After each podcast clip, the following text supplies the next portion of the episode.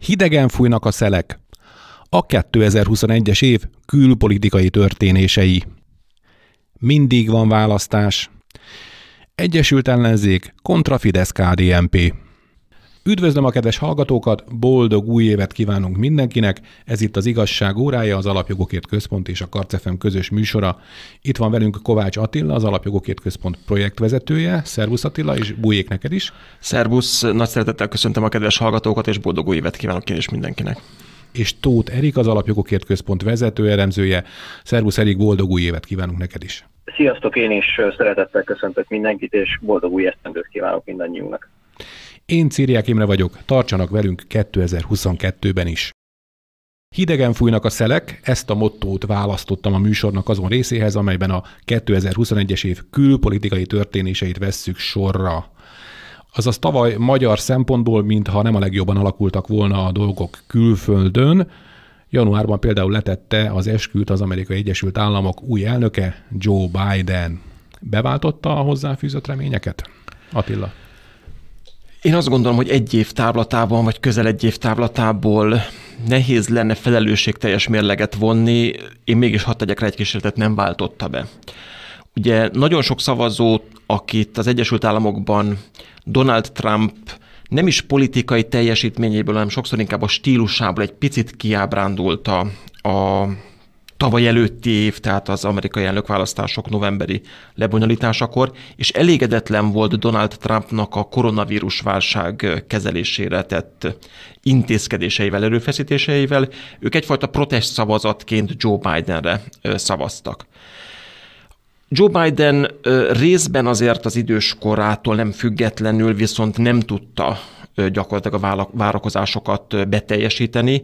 Ígéretesen indult az elnöksége, tehát volt egyfajta pozitív várakozás az amerikai társadalomban.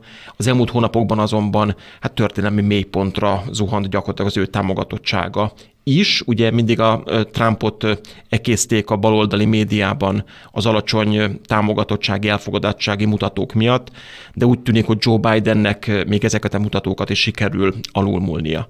Gyakorlatilag nem történt előrelépés az Egyesült Államokban a koronavírus válság kezelésében. Pedig azt ígérte, és sokan azt várták tőle, hogy meg fogja oldani a dolgot, amire állítólag Trump képtelen volt. Így van, kiderült, hogy Joe Biden is képtelen ennek a, a feladatnak a, az ellátására nem sikerült gyakorlatilag azt a nagyívű szociális támogatási programot, amelyet sokan hát markánsan baloldalinak, vagy vérmérsékletől függően akár még kommunista programnak is titulálnak az Egyesült Államokban ez átvinni. A, ez, ez a baloldali autópályák, rasszista autópályák, ez, ez beszéltünk. Gy- gyakorlatilag még a demokrata párton belüli egységet sem tudta biztosítani Joe Biden a, a saját elképzelései ö, mögött.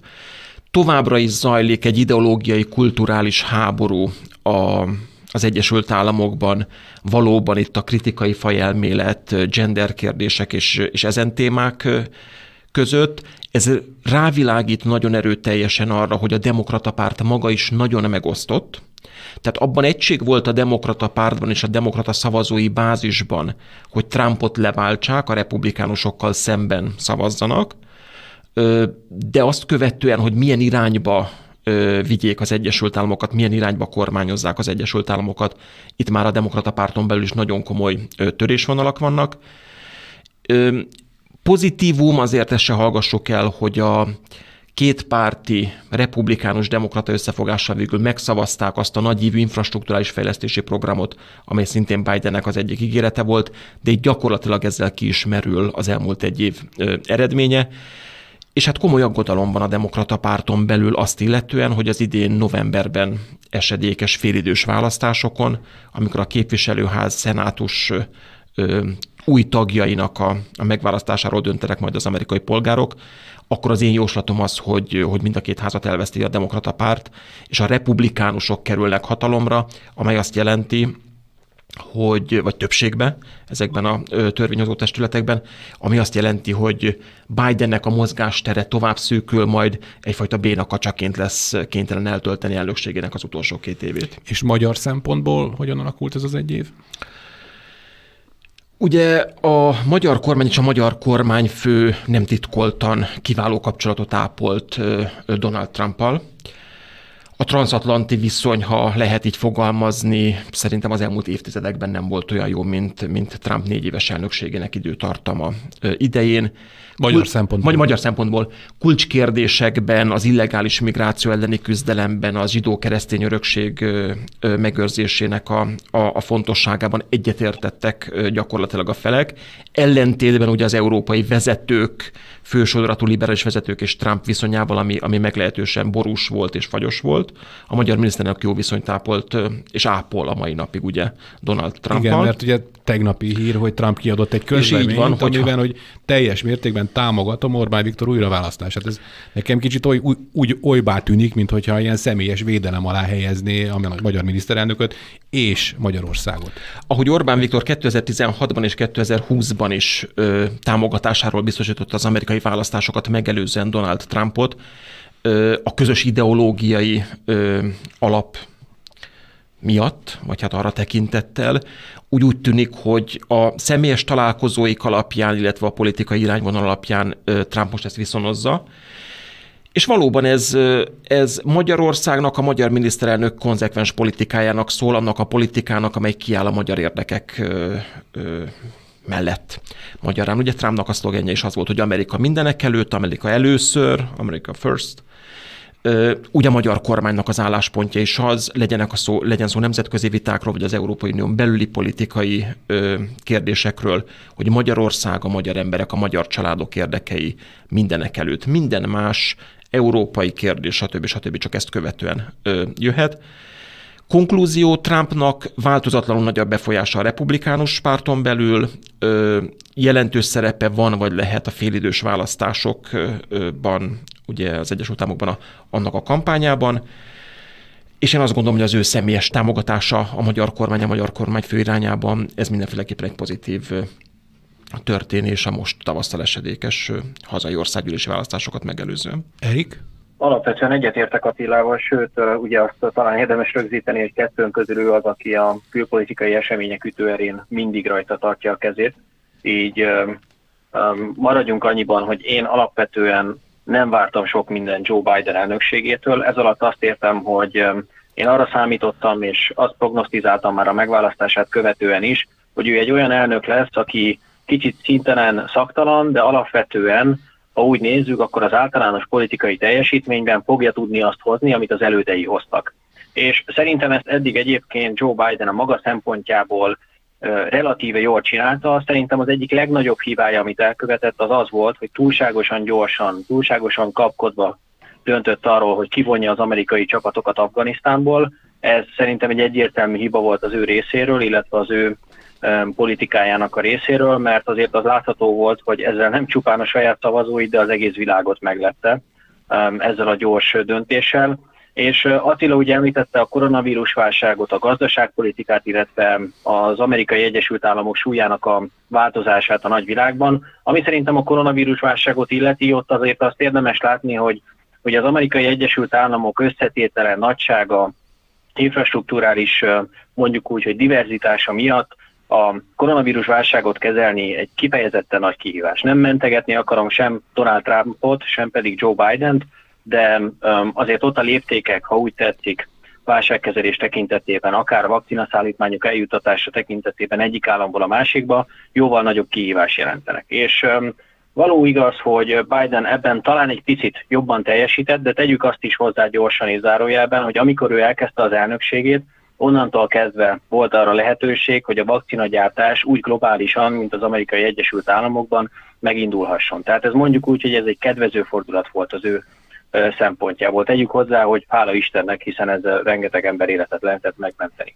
Ami a külpolitikát illeti, ugye itt már említettem az afganisztáni kivonulást, szerintem az afganisztáni csapatkivonások um, tulajdonképpen tökéletesen összefoglalták azt, ami történt az amerikai Egyesült Államokkal a világpolitikában az elmúlt egy évben. Én úgy érzem, hogy Donald Trump legalábbis ami a védelempolitikának a megerősítését, illetve a NATO-nak, tehát a transatlanti együttműködésnek a megerősítését illeti, ő sokkal kompetensebb politikus volt. Volt egy víziója, ugye talán azt sem titok elárulni, hogy nem véletlenül kerültünk ilyen jó viszonyba már, mint Magyarország és az Amerikai Egyesült Államok az elmúlt négy-öt évben, még Joe Biden megelőzően, ugyanis ugye mi voltunk az egyik első ország itt Közép-Európában, akik teljesítettük az Amerikai Egyesült Államok azon kérését, hogy a NATO védelmi, közös védelmi kiadásait azt minél előbb emeljük fel, ugye a GDP arányosan meg volt határozva, hogy mekkora szintre, és ami pedig, hát mondjuk úgy, hogy az általános amerikai politikai helyzetet illeti, teljes mértékben egyetértek azzal, amit Attila mondott, szerintem is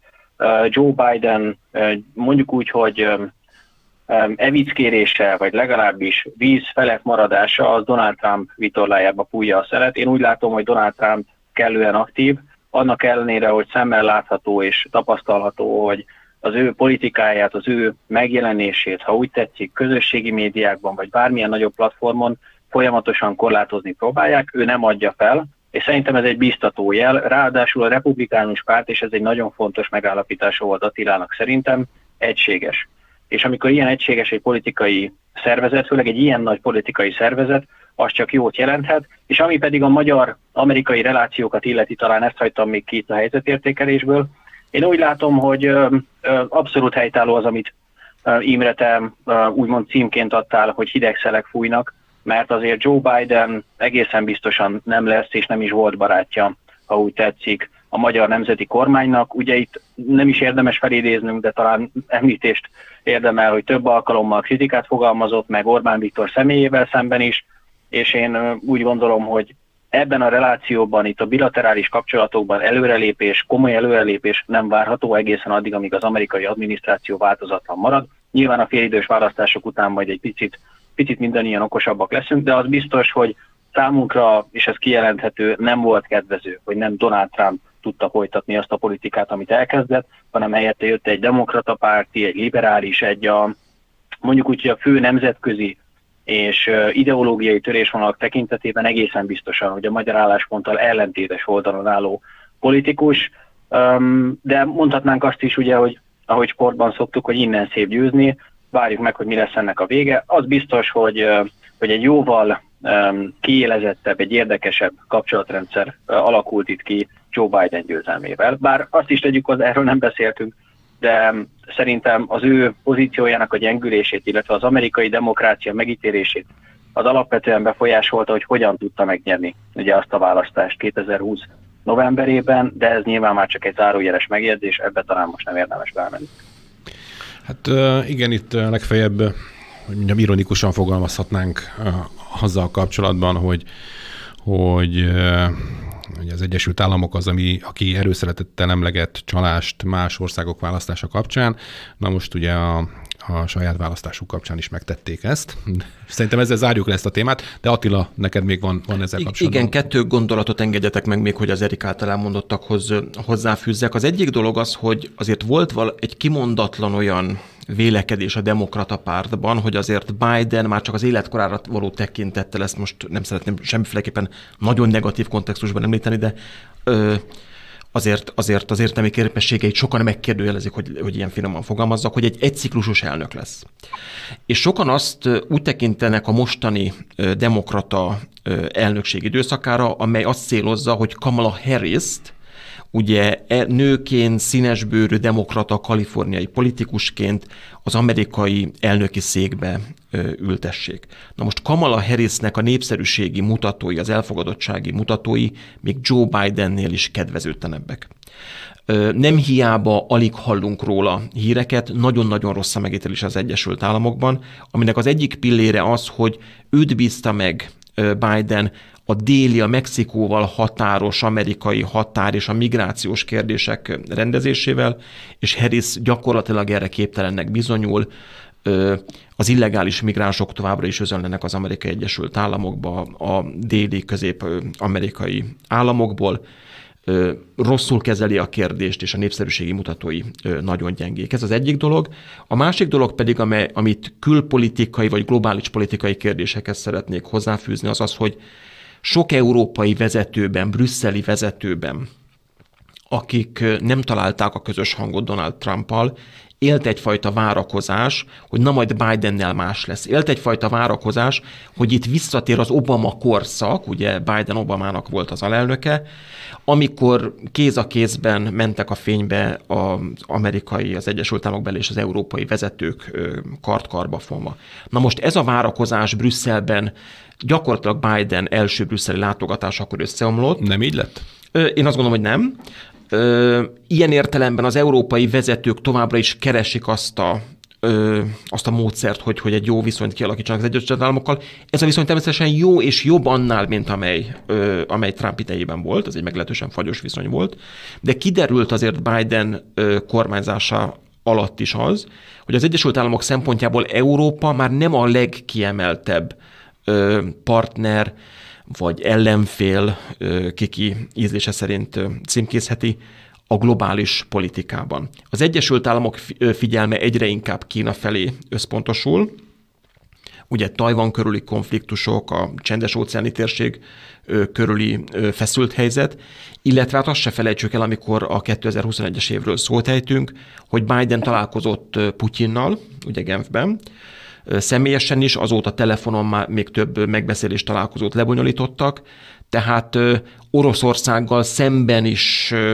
politikája Bidennek hát keményebb, mint, mint, a, mint a Trump érában volt. Na, Trump sem volt Oroszország barátja a közkeletű vélekedéssel ellentétben. És vannak olyan ütköző zónák, és ami minket érint, ugye Ukrajna kérdése egy különösen fontos kérdés, amely mentén összeütközik az orosz és az amerikai, vagy az orosz és az európai érdek, és ezekben az ütköző zónákban, hogy mi zajlik, hogyan zajlik, ez Magyarország számára is kulcsfontosságú lesz még a, a Biden elnökségéből hátralévő három évben. Tehát ilyen értelemben a egymondatos konklúzióm az az, hogy kiderült az Biden elnökségből, hogy nincsen visszatérés az Obama korszakhoz, és az, hogy Európa az amerikai horizonton egy picit háttérbe szorult, már nem a legfontosabb globális térség, a csendes óceáni térség Kína átvette ezt a vezető szerepet. A tengeren túlról térjünk vissza egy kicsit Európába. Folytatódtak az uniós, hát húzavonák, visszályok, sőt, talán mintha erősödtek is volna. Ráadásul volt egy német választás, ahol, ahol szintén, hát szerintem fogalmazhatunk így, magyar érdekből a rosszabb kimenetel nem a legrosszabb, de, de az ideálishoz képest talán a rosszabb kimenetel jött ki a végén. Szerintetek milyen kifutása lehet ennek a dolognak, Attila?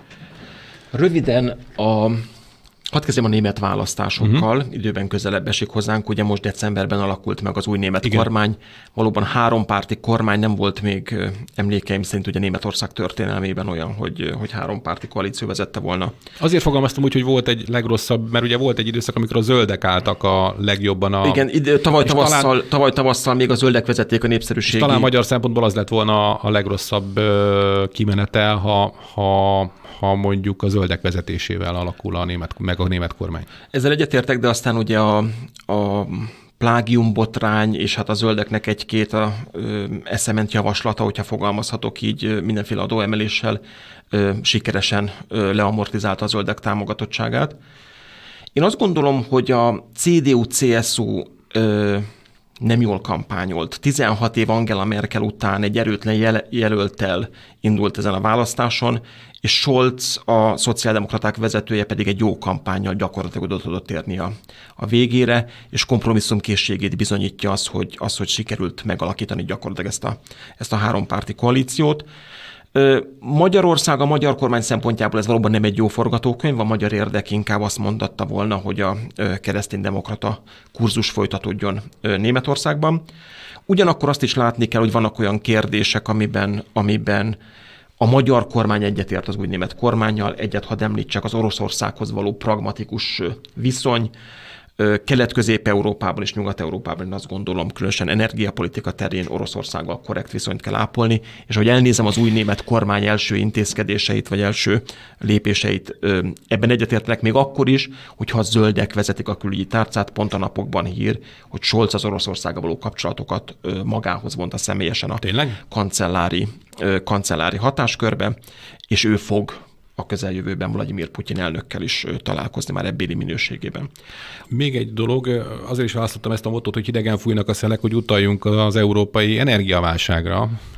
Nem akarom Orbán Viktor miniszterelnököt idézni, de megteszem, mert ugye ő mondta azt, hogy a, a október 23-án a beszédében, hogy hogy is mondta, hogy igen, hogy, hogy, nál, hogy mi nem fagyunk meg télen, ők utalva Nyugat-Európára, ők pedig szülhetnek férfiként, ugye kinek mit intézett a kormánya.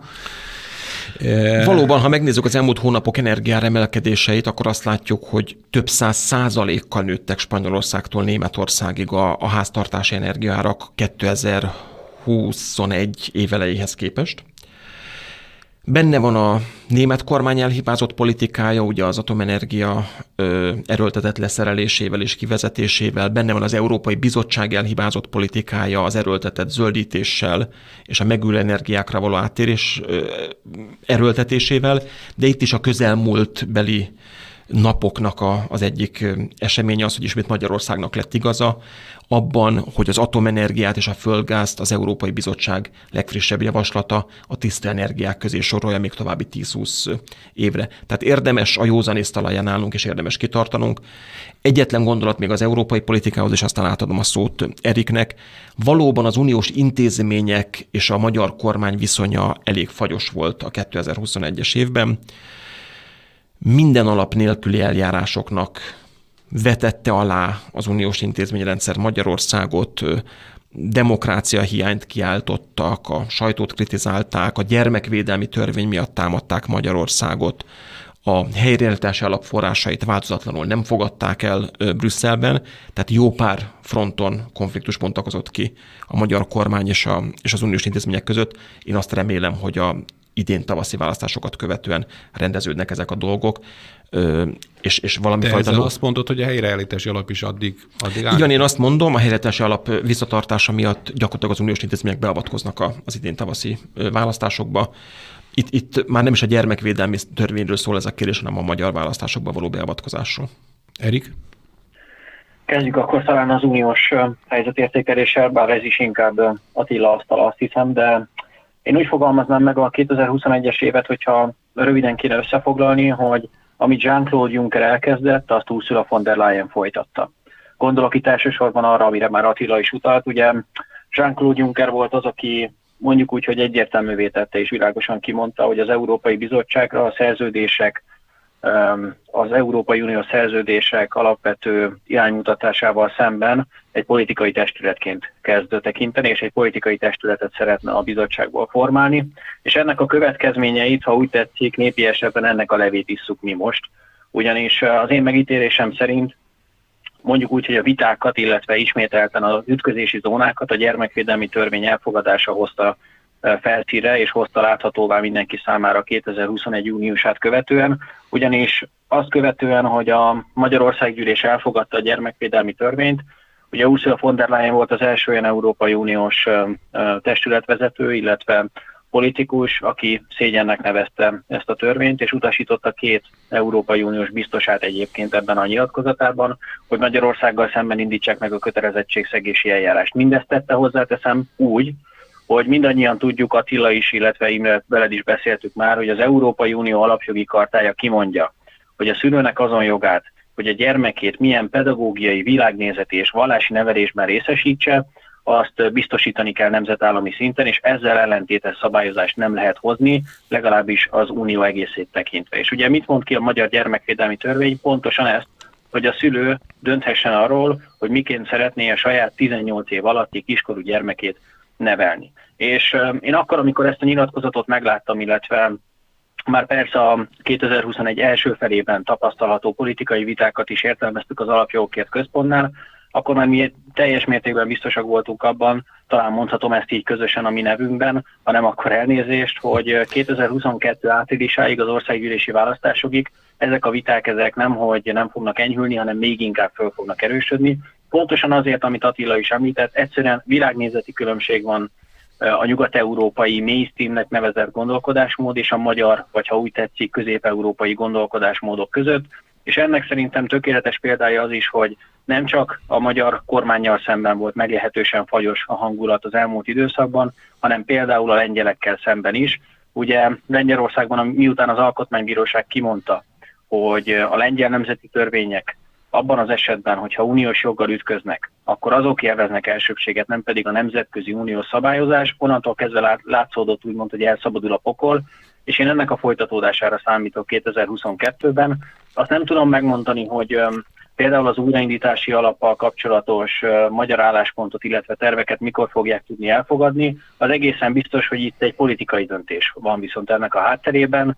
Valóban az, hogy hát mondjuk úgy, hogy a választásokig a magyar kormányt megpróbálják sarokba szorítani, adott esetben a magyar kormányt lépés helyzetbe, lépéskényszerbe hozni. Én úgy látom, hogy ezek a próbálkozások eddig sem voltak sikeresek, és nem hinném, hogy ezután azok lesznek, de ha a nagyobb képet nézzük, az egészen biztos, hogy vitatkozhatunk mi itt jelen pillanatban is az Európai Unió jövőjéről, ugye az Alapjogokért Központ is tavaly két ilyen eseményt is rendezett, de amíg ez az általános politikai klíma és hozzáállás, addig szerintem um, nyilván ezt most kicsit pessimistán mondom, fölösleges ezeket a vitákat nagyon-nagyon komolyan venni, mert az látható, hogy a főbb európai politikai intézmények azok egyértelműen és direkt módon próbálnak például a magyar választásokba beavatkozni különböző eszközök segítségével. Tehát a 2021-es év, hogyha össze kell foglalnunk, valóban egy rendkívül fagyos, rendkívül vitás, és egyébként több esetben is rendkívül tisztességtelen és vitákkal tűzdelt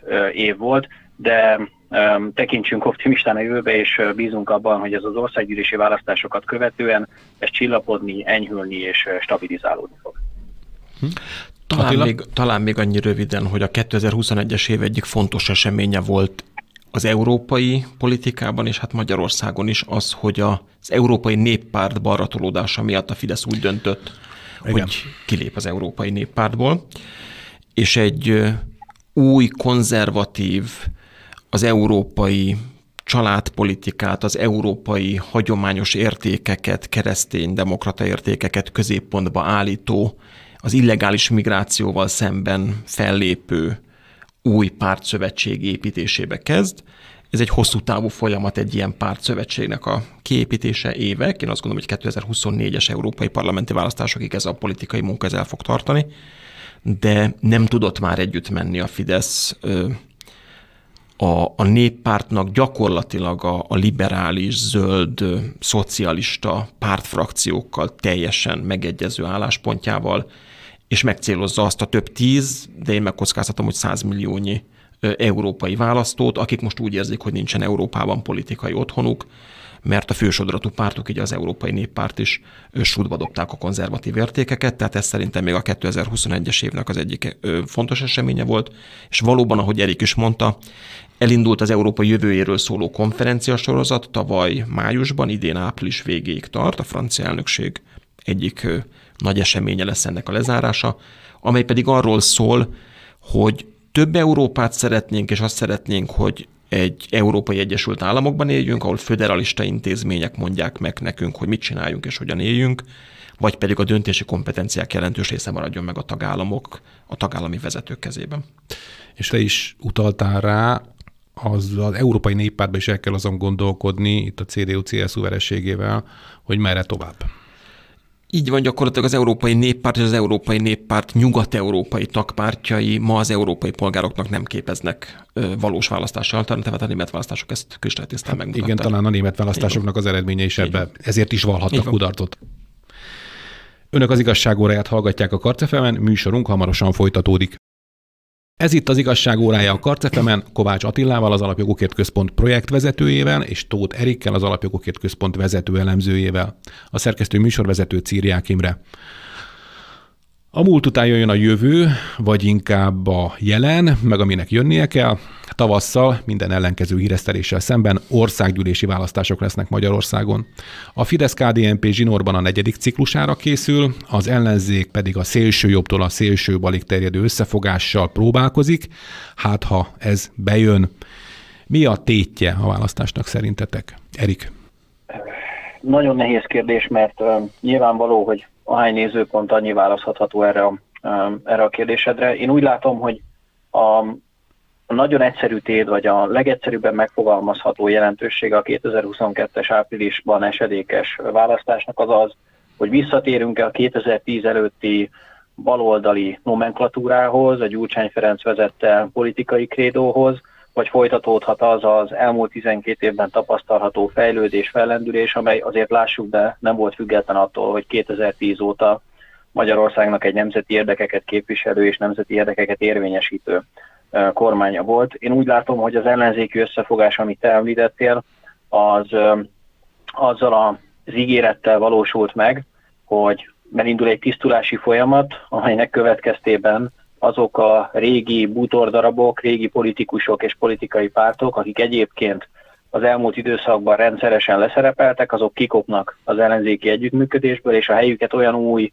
meghatározó, karizmatikus, és még különböző jelzőkkel illethető politikusok veszik át, akik képesek lesznek új lendületet adni a magyarországi kormánykritikus baloldali oldalnak. Én azonban... De hol vannak ezek, Erik? Hol, hol igen, vannak igen, pontosan. Igen, én ezzel szerettem volna zárni, hogy megkockáztatom, hogy ez a célkitűzés, ez a vágyálom, ez nem teljesült. Sokan mindig mosolyognak azon, hogyha azt mondjuk, hogy a mai napig ugye Gyurcsány Ferencnek hívják a magyarországi baloldal vezetőjét, de ők is csak kínukban mosolyognak ezen, mert pontosan tudják, hogy ez a helyzet. Ugye volt egy előválasztás 2021 őszén, ez az előválasztás ez hivatalosan arról szólt volna, hogy mondjuk úgy, hogy a kormánya szemben kritikus szavazók egy része eldöntheti, hogy 2022 áprilisában az országos egyéni választókörzetekben melyik politikusok fognak tudni elindulni a kormánypárti jelöltekkel szemben. Ugye ehhez képest mi történt az előválasztáson? Az történt, hogy különböző csalásra utaló módszerekkel szűkítették, korlátozták a versenyt, a különböző ellenzéki pártok egymással megállapodva leosztották a politikai térképet maguk között, és ennek a végeredménye az lett, hogy a legtöbb helyen és a leginkább befutónak tekinthető ellenzéki körzetekben, hát nem más, mint Gyurcsány Ferenc és pártja, a Demokratikus Koalíció fog 2022 tavaszán jelölteket indítani a Fidesz-KDNP mandátumra esélyes politikusaival szemben, ami nekem, mint politikai jellemzőnek csupán annyit jelent, hogy az a domináns párt, amelyik az elmúlt négy évben azt a célkitűzést fogalmazta meg, hogy egy egységes, egy összefogott demokratikus pártot hoz létre az ellenzéki térféren, ugye ez Gyurcsány Ferenc terve, amit már 2014-ben is bejelentett, az tulajdonképpen teljesülni fog, nem a most következő választásokon, de belátható időn belül, és ezzel szemben a többi ellenzéki párt, a többi kis politikai tömörülés teljes mértékben cselekvésképtelen. Tehát amit Gyurcsány Ferenc mond az ellenzéki térféren, pontosan az történik, az fog megvalósulni. Um, talán nem, nem illeszkedik a képbe, vagy sokan azt gondolták, hogy nem illeszkedik ebbe a képbe Márki Zaj Péter. Én azonban azt látom, hogy Márki Zaj Péter csupán egy előfutár, egy, ha úgy tetszik, mint tudjátok, szokott lenni a nagyobb olimpiai vagy világversenyeken a futóknak a nyúl? bevezetnek egy, egy nyúl, így van pontosan. Egy nyúlat alkalmaznak, hogy jobb eredményt tudjanak elérni. Az, amit Márkizaj Péter az elmúlt két hónapban, vagy inkább másfél hónapban csinált, az szerintem azt mutatja, hogy előbb vagy utóbb adott esetben az ő likvidálása, az ő politikai napirendről történő leszedése, lecserélése is előfordulhat. Nem ez lett, most. Ez jó, ez lett, ez lett, csak a választáson. Igen, e, Ez lett volna a következő kérdésem, hogy szerintetek ki lesz az ellenzék jelöltje tavasszal? Mert akkor, Igen, akkor, a... akkor te már azt mondod, hogy hát, hogy én Monty Python hogy már a nyúlon túl tekintenek. Én, én, én azt gondolom, hogy igen, de nyilván tegyük azt hozzá, és mindjárt átadnám a szót Attilának, hogy a politikai realitás és a racionalitás, hogyha létezik ilyen az ellenzéki térféren, az azért mégiscsak azt mondatja, hogyha már volt egy előválasztás, ahol valamilyen szempontból nagy nehezen, de győztesként kihozták Dobrev Klárával szemben Márkizaj Péter, ahol állítólagosan pár százezer ellenzéki szavazó mégiscsak részt vett, nyilván a pontos számot nem tudjuk, és ők mondjuk úgy, hogy Márkizaj Péterre tették le a voksukat, na ezek után azt mondani, hogy Márkizaj Péter alkalmatlan, nem tudja, hogy mit beszél, és nem jó politikus, és ő csak úgy leszedni négy hónappal a választások előtt, az, az azért talán túl meredek forgatókönyvnek tűnhet, de én azt látom, akár csak a mai napi üzengetésekből is gondoljunk Jakab Péter bejegyzésére, ahol már bocsánat, de szó szerint, vagy legalábbis utalva rá lehülyézi Márkizaj Pétert, az ellenzék miniszterelnök jelöltjét, az, az azért mégiscsak egy, egy nagyon erős üzenet, és uh, ugye Gyurcsány Ferenc is kitett a napokban egy posztot, mi szerint Márkizaj Péterrel fognak nekifutni az országgyűlési választásnak. Én mindig azt szoktam mondani, hogy amit Gyurcsány Ferenc leír, annak az ellenkezőjét gondolja, vagy annak az ellenkezőjét szeretné elérni. Ez általában beszokott jönni, úgyhogy én bármit el tudok képzelni jelen pillanatban Imre, mert a számok az ellenzéki szereplők számára legalábbis rendkívül rosszul alakultak az elmúlt másfél hónapban. Én nem látom a lendületet náluk, nem látom a szervezettséget, nem látom a programot, nem látom azt a víziót, amivel áprilisban szavazók tömegeit és új szavazók jelentős részét be tudnák vonni a politikába, és azt pedig kifejezetten tartom azt az állításomat, hogy Márkizaj Péterrel jelen pillanatban csak saját maguk alatt vágják a fát, de hát ha, hát ha Attila máshogy látja. Attilától is ezt kérdezném, mert ugye amit te elmondtál, arra rímel az, amit Békesi László írt, ő a, ő a, a Horn kormánynak volt a, az egyik pénzügyminisztere, és egy, egy jelentős személyiség a baloldalon, mert ugye ő is azt mondja, hogy le kell cserélni, le kell cserélni Márkizaj Pétert, méghozzá azért, mert ha marad, akkor nagyobb kárt okoz, mint az, hogyha ha elkönyvelik azt, hogy lecserélik. Erik belpolitikai kérdések elemzésében, értékelésében sokkal felkészültebb nálam.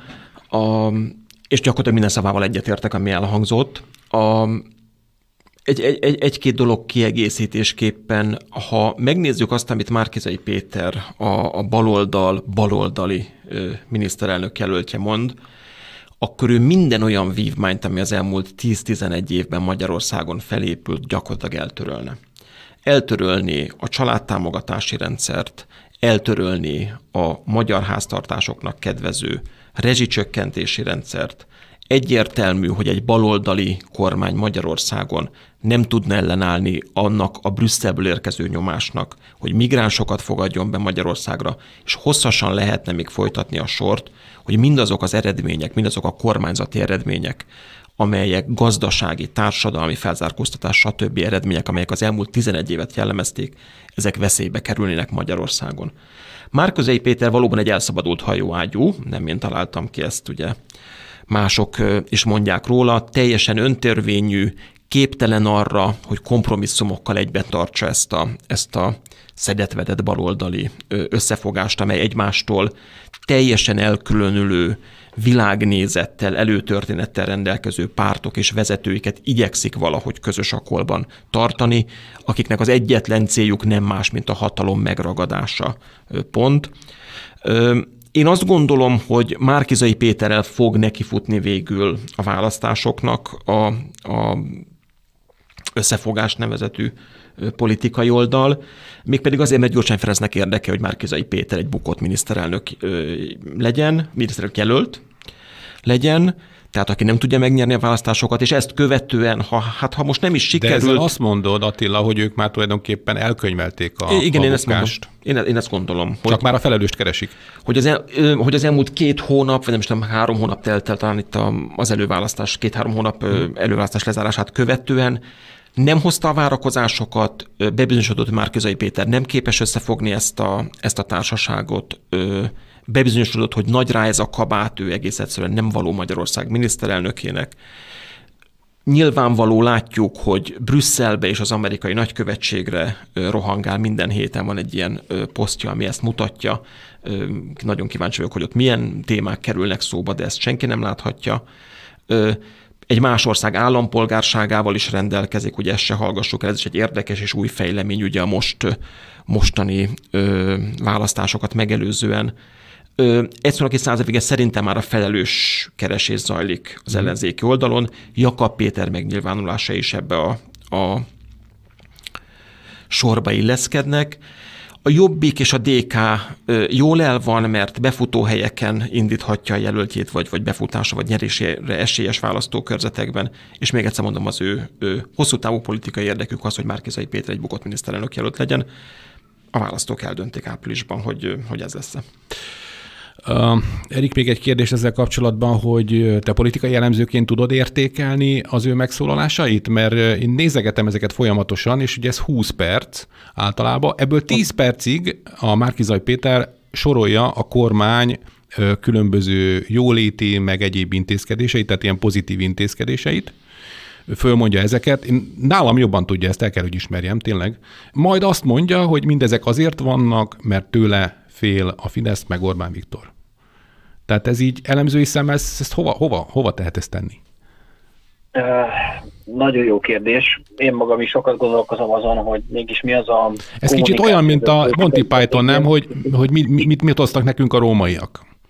Igen. Egyébként tényleg olyan a, tényleg olyan a helyzet, mert um, bár azért van ennek szomorú oldala is, talán erről mindjárt tudunk beszélni, hogy azért ezekben a bejelentkezésekben, vagy például a vasárnapi hétértékelő videóiban nem mulasztja el az alkalmat egyetlen egy egyszer sem arra, hogy valamilyen megbotránkoztató, sértő, a választói Igen. csoportokat megbélyegző kijelentéseket tegyen. Ugye most hétvégén um, egészen odáig merészkedett már Kizaj Péter, hogy azt um, mondjuk úgy, hogy mondta, vagy azt uh, sugalmazta, hogy a Fidesznek a népszerűsége 2018 óta azért nem nőhetett az elmúlt egy évben, mert a Covid miatt, eh, ahogy ő fogalmaz, ezek az ő szavai elnézést kérek, megtizedelt időskorú lakosság nagyobb része szavazott a Fideszre, de a fiatalok, akik minden eddiginél nagyobb számban jelentkeztek és csatlakoztak, azok már úgymond kormánykritikusak. Magyarán azt mondja Márkizaj Péter, hogy most azért van esély a Fidesz leváltására, mert a koronavírus járványnak köszönhetően, illetve a koronavírus válságnak köszönhetően az idős, jobboldali szavazók, ők meghaltak. Na most én elnézést kérek, sokféle kommunikációs stratégiával találkoztam már nyilvánvalóan. Ismerjük a DK-t, aki mindig a szöges ellentétjét mondja annak, mint amit a fidesz KDNP, mm. hogyha a Fidesz azt mondja, hogy A, akkor ők azt mondják, hogy Z, de az, amit már Kizai Péter csinál, az én kezdetben azt hittem, hogy egyetlen egy dologról szól, hogy ő bekerüljön a híradásokba. Uh-huh. Tehát mindig próbált olyan erős kijelentéseket tenni, olyan erős megnyilvánulásokat és fogalmazásokat használni, amikkel be tudott kerülni olyan egyébként ö, um, számára nem előnyös terepekre is, ahol nem biztos, hogy találkoztak az ő nevével. Mert azért azt nem szabad elfelejteni, hogy Márkizaj Péter hiába volt előválasztás, hiába hódmezővásárhelyi polgármestere 2018 februárja óta, ő országosan nem volt, és szerintem még most sem egy teljesen ismert politikus. Bár még egyszer mondom, tesz azért érte nap mint nap. De az, amikor ilyen kijelentéseket tesz, az azért ezen már túlmutat. Én úgy látom, hogy ő egy tényleg olyan politikus, akinek teljesen mindegy, hogy milyen kommunikációs felkészítőt készítenek, akinek teljesen mindegy, hogy milyen aktuális ügyben kell megszólalnia, ő egyszerűen csak a Fidesz és Orbán Viktor általi gyűlöletének próbál meg nap mint nap hangot adni. Magyarán a radikális, rendkívül elkötelezett, és ebből kifolyólag csak nehezen megszólítható ellenzéki szavazóknak beszél. Hogy ez most ő miért teszi, azt sajnos nem tudom neked megmondani, Imre, mert ott látható a számokból, hogy ez a népszerűség, népszerűségüknek teljes mértékben árt, és az is látható a számokból, hogy ezzel nem, hogy új szimpatizánsokat nem tud megszólítani, hanem még a sajátjai közül is, tehát a kormánykritikusok közül is többeket, mondjuk úgy, hogy passzivizál. Tehát, hogy ők is inkább most már talán azt mondják, hogy ha ez a felállás marad, akkor nem mennek el a választásokra. De amit még szerettem volna ezt hozzátenni, ugye most minden olyan, mondjuk úgy, hogy szépnek és jónak tűnik, legalábbis egy bizonyos szempontból nézve, de azért um, um, mielőtt mindenki már bontaná a pesgőt, áprilisig még rendkívül sok idő van. Arra föl kell készülnie szerintem a hallgatóságnak, hogy áprilisig lesznek próbálkozások arra vonatkozólag, nézzük csak meg, hogy mi történik például a kormányzat különböző tagjaival kapcsolatban milyen vádakat kapnak. Nézzük csak meg, hogy mi történt Novák Katalinnal, miután bejelentették, hogy őt fogják támogatni a köztársaság elnök jelöltségért. Olyan mondjuk úgy, hogy gyűrölet cunami irányul ezekre a politikusokra, amit megmondom őszintén, szerintem rendkívül nehéz lehet jelen pillanatban földolgozni, és csak azt akarom mondani, hogy ez a hangulat, ez a gyűlöletpolitizálás az ellenzéki térfél részéről, ez a negatív kampány, ez folytatódni fog. És ez a negatív kampány egy az egyben egyetlen egy személynek, Márki Zaj Péternek köszönhető. Ő valószínűleg az amerikai vagy kanadai tapasztalataiból kiindulva azt a következtetés vonta le, hogy az ellenzéknek akkor van esélye, hogyha az olyan egyébként rendkívül népszerű intézkedéseket is, mint amiket már említett Attila, tehát a rezsicsökkentés, a családtámogatási rendszert, adott esetben a gyermekvédelmi népszavazást, ezeket megpróbálják minél negatívabb, minél rosszabb kontextusba feltüntetni, és mondjuk úgy, hogy a saját javukra formálni ezeket a dolgokat. Csak hogy mindig egyetlen egy tényezőt kihagynak ezekből a számításokból, mégpedig az, hogy az a gondolkodásmód, vagy az a politika, amit ők támogatnak, az nem, nem képez többségi álláspontot Magyarországon. Ugye mi alapjogokért központnál készítettünk tavaly évvégén egy közélmény kutatást, ahol például kiderült az a gyermekvédelmi népszavazás kérdései kapcsán, hogy még az ellenzéki szimpatizánsok, tehát kormánykritikus válaszadók több mint fele is azt mondja, hogy egyetért a kormány gyermekvédelmi intézkedéseivel és a gyermekvédelmi népszavazás alapvetéseivel. Ehhez képest jön Márkizaj Péter, aki bejelenti, hogy abban az esetben, hogyha lesz népszavazás, ő csak azért fog azon részt venni, hogy széttépi a szavazólapot. Azt is bejelenti, hogy a gyermekvédelmi népszavazás lesz az egyik első törvény, amit ha, ha véletlenül hatalomra kerülnének, azt el fognak törölni. Tehát öm, szembe megy minden józan politikai számítással, és szerintem ez már érezhetően feszültséget kelt az ellenzéki térféren belül is, mert Márki Zaj Péter annyira radikális, annyira szélsőséges bizonyos szempontból, hogy az már kontraproduktív. És mondhatnám azt is röviden összefoglalva, hogy túltolja egyszerűen ezeket a megnyilvánulásait, mert ezzel nem lehet konszenzus teremteni, nem lehet új szavazókat bevonni, és nem lehet egy középre pozícionált, mondjuk úgy, hogy centrista politikai tömböt létrehozni. Márpedig anélkül az ellenzéki összefogás győzelme az teljes mértékben esélytelen. De még egyszer mondom, a választásokig rengeteg idő van még, és abban is biztos vagyok, amiről már utaltunk az Európai Uniós helyzetértékelésünk kapcsán, és erre egyébként Orbán Viktor miniszterelnök is október 23-án a beszédében, hogy nem a magyarországi baloldali ellenzéktől kell úgymond tartanunk, idézőjelbe téve, uh-huh. hanem a mögöttük álló globalista politikai erőktől. És ők pedig, én úgy gondolom, hogy januártól kezdve hát finoman fogalmazva és a tevékenységüket fel fogják erősíteni, annak érdekében, hogy a áprilisi vagy tavaszi választást azt megpróbálják befolyásolni. Mm, és ha jól értem, akkor te tulajdonképpen azt mondod, hogy Márki Zajpéterrel az az ellenzék baja, hogy ő kimondja azt, amit valóban csinálnának. Tehát nem azt mondja, amit mint a Karácsony Gergely adott egy külföldi lapinterjúba, hogy, hogy, hogy a, a kerítés megbontásáról inkább ne beszéljük most a választások előtt, de nyilván majd humánosan kell bánni a, a menekültekkel, hanem hogy Márki Zaj Péter elmondja azt, hogy igenis megszüntetnék a rezsicsökkentést, eltörölnék a, a kerítést, eltörölnék az SZIA kedvezményeket, a gyerekvédelmi kedvezményeket, stb. stb.